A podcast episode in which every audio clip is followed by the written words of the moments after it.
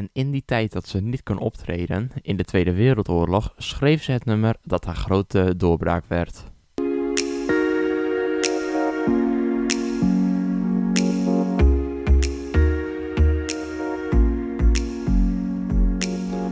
Welkom en leuk dat je luistert naar seizoen 1, aflevering 4 alweer van Yes FM, de podcast. De podcast waarin ik in iedere aflevering iets vertel over een album of artiest.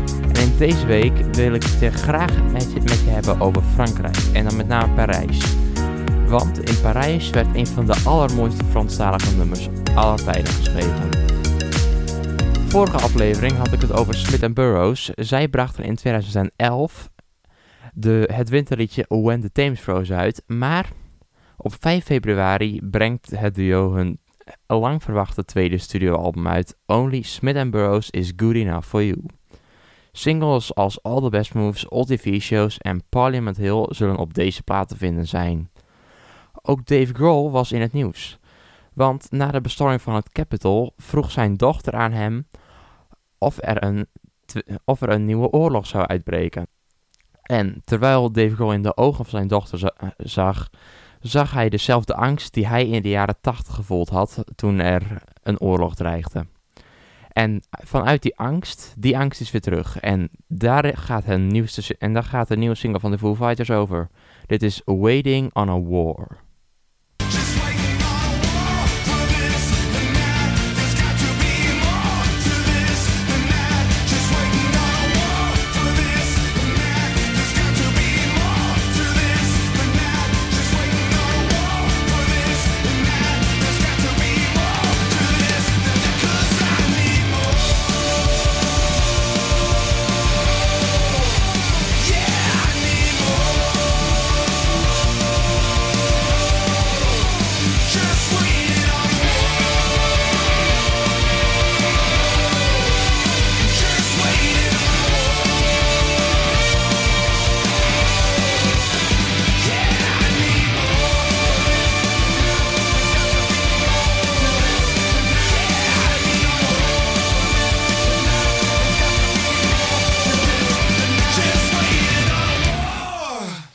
Je de Foo Fighters met hun nieuwste single Waiting on a War.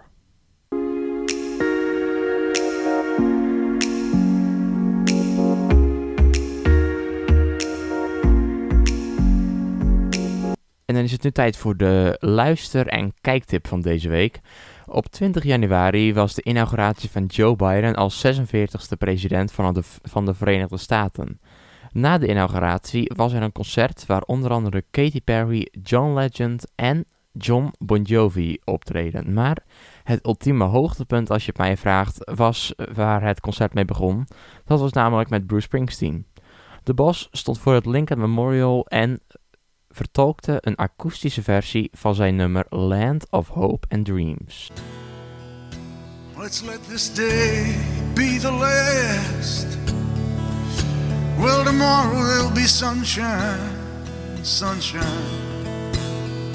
and all this darkness past.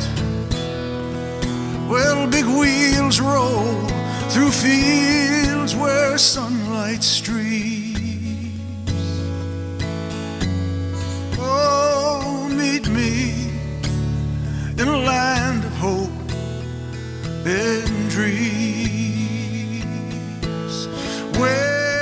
Jordan Bruce Springsteen live bij het Lincoln Memorial Center met zijn akoestische versie van Land of Hope and Dreams.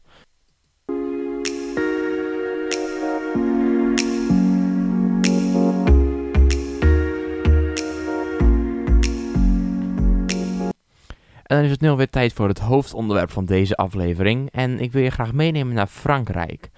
Eigenlijk de Franse hoofdstad Parijs. Deze stad heeft ons al vele artiesten opgeleverd. De afgelopen jaren uh, kennen wij daar vooral Stromae vandaan. Maar uh, jaren geleden was er natuurlijk ook al Charles Aznavour, die inmiddels helaas overleden is. En ook schreef hij daar mijn favoriete nummer La Bohème, dat zoiets betekent als het artiestenwereldje. Maar al in de jaren 30 was daar een vrouw van maar 1,50 meter met een dijk van een stem. Ik heb het natuurlijk over Edith Piaf. Haar moeder was een kroegzangeres en haar vader een acrobaat. Maar ze groeide niet op bij haar ouders, ze groeide op bij haar grootmoeder die een bordeel bezat. Op haar vijftiende maakte ze haar debuut als artiest, als straatmuzikant. Op haar, twee jaar later, op haar zeventiende, kreeg ze een dochter die op haar negentiende, dus twee jaar later, al overleed. Het zijn allemaal voorbeelden van dingen die ervoor zorgen dat Edith Piaf de vrouw wordt die ze is geworden. Het is misschien ook wel niet zo gek dat toen ze nog maar 20 jaar oud was, ze doorbrak. Ze werd ontdekt in het jaar 1935, toen ze 20 jaar oud was, door een eigenaar van een nachtclub. Vijf jaar later, in 1940, breekt de Tweede Wereldoorlog uit. Schrijft, ze het nummer La Vie en Rose. Weer vijf jaar later, of zes, het zal het jaar 1945 of 1946 geweest zijn, toen ze officieel doorbrak met het nummer La Vie en Rose. Het publiek werd wild als Edith Piaf dit nummer begon te zingen.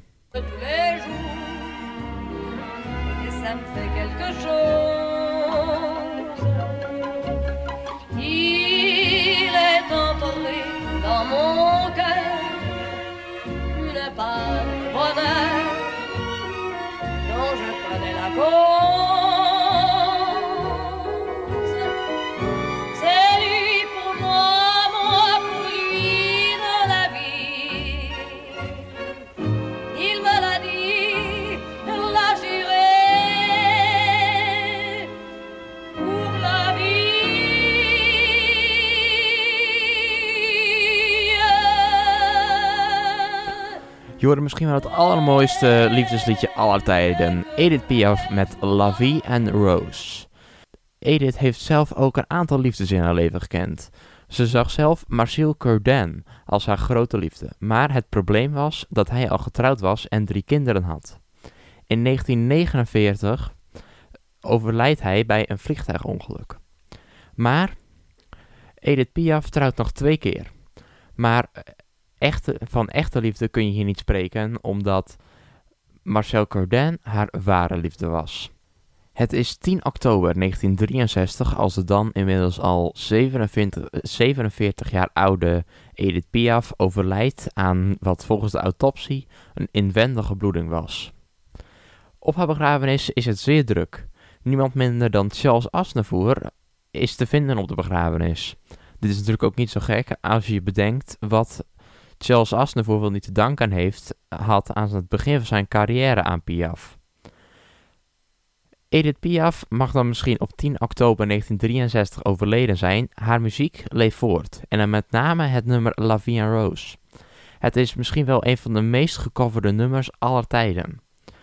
Louis Armstrong, Grace Jones, Celeste, André Bocelli en Tony Bennett namen allemaal een eigen versie op.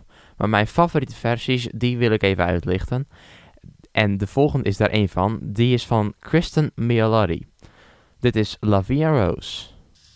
Give your heart and soul to me, and life will always be.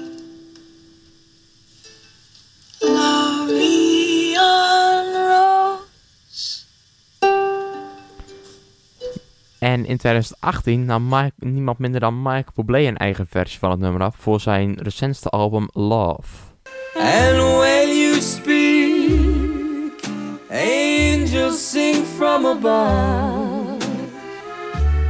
Everyday words seem to turn into love songs. Give your heart and soul to me.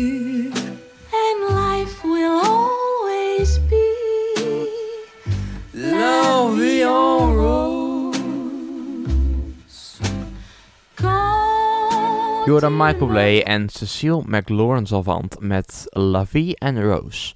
Het, samen tillen zij het nummer aan een hoger niveau, waardoor je het gevoel hebt dat je door Frankrijk rijdt met de liefde van je leven. En ik wil je nu graag meenemen naar het jaar 1937, want toen kwam de eerste versie van de film A Star is Born uit.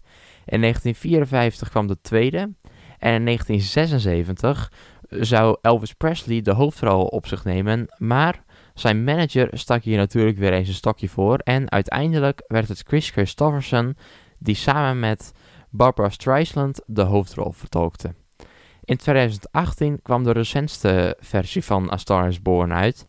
Bradley Cooper nam de hoofdrol op zich voor deze film.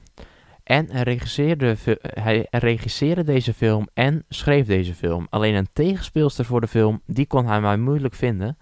Totdat hij niemand minder dan Lady Gaga een eigen versie van La Vie en Rose zag doen op het podium. En daarom zit dit nummer ook in de film op het moment dat het personage van Lady Gaga het personage van Bradley Cooper ontmoet.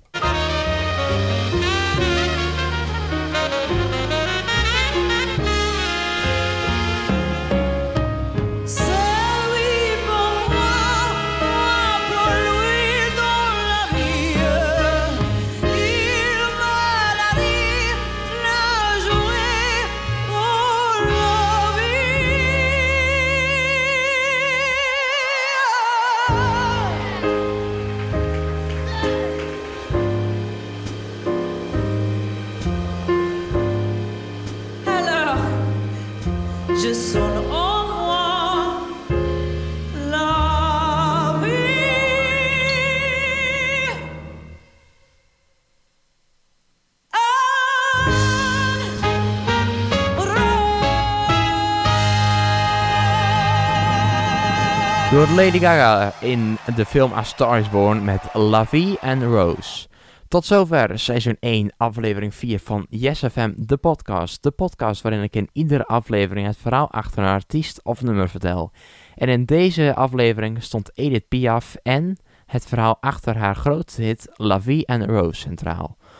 Mocht je nog een artiest of nummer kennen waar je graag het verhaal achter wil horen, stuur me dan een privébericht via mijn Instagram yesfm.nl.